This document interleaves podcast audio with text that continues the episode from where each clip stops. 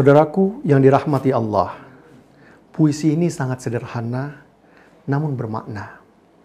Jalan mereka, ikuti tuanku kali jaga, latih sabar main wayang sebar cinta.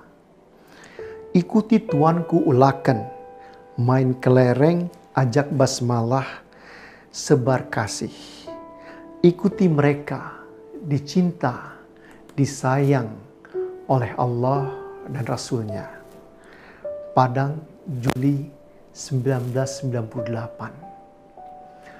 Orang-orang soleh, para ulama-ulama terdahulu, mengajarkan Islam secara damai dan penuh kasih sayang. Mereka mengajarkan dengan apa yang kita kenal dengan nama dakwah kultural.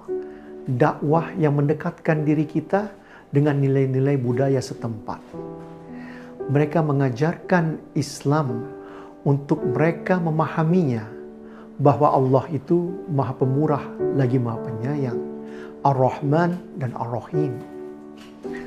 Renungkan, seorang ulama, seorang syekh dengan lembut mengajar kanak-kanak kecil bagaimana bermain kelereng.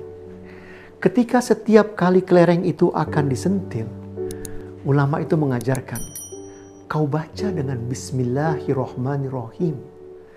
Lalu ketika dia main, anak-anak itu mulai menyentil dengan Bismillah. Lalu semakin asik mereka main Bismillah. Lama-kelamaan kumpulan anak-anak kecil ini beranjak dewasa.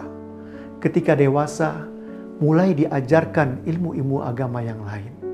Beranjak lagi dewasa, mereka menjadi satu kampung satu kampung menjadi muslim semuanya. Allahu Akbar. Sepatutnya kita berdakwah, mengajak orang kepada Allah, kepada agama ini dengan jalan yang penuh kasih sayang.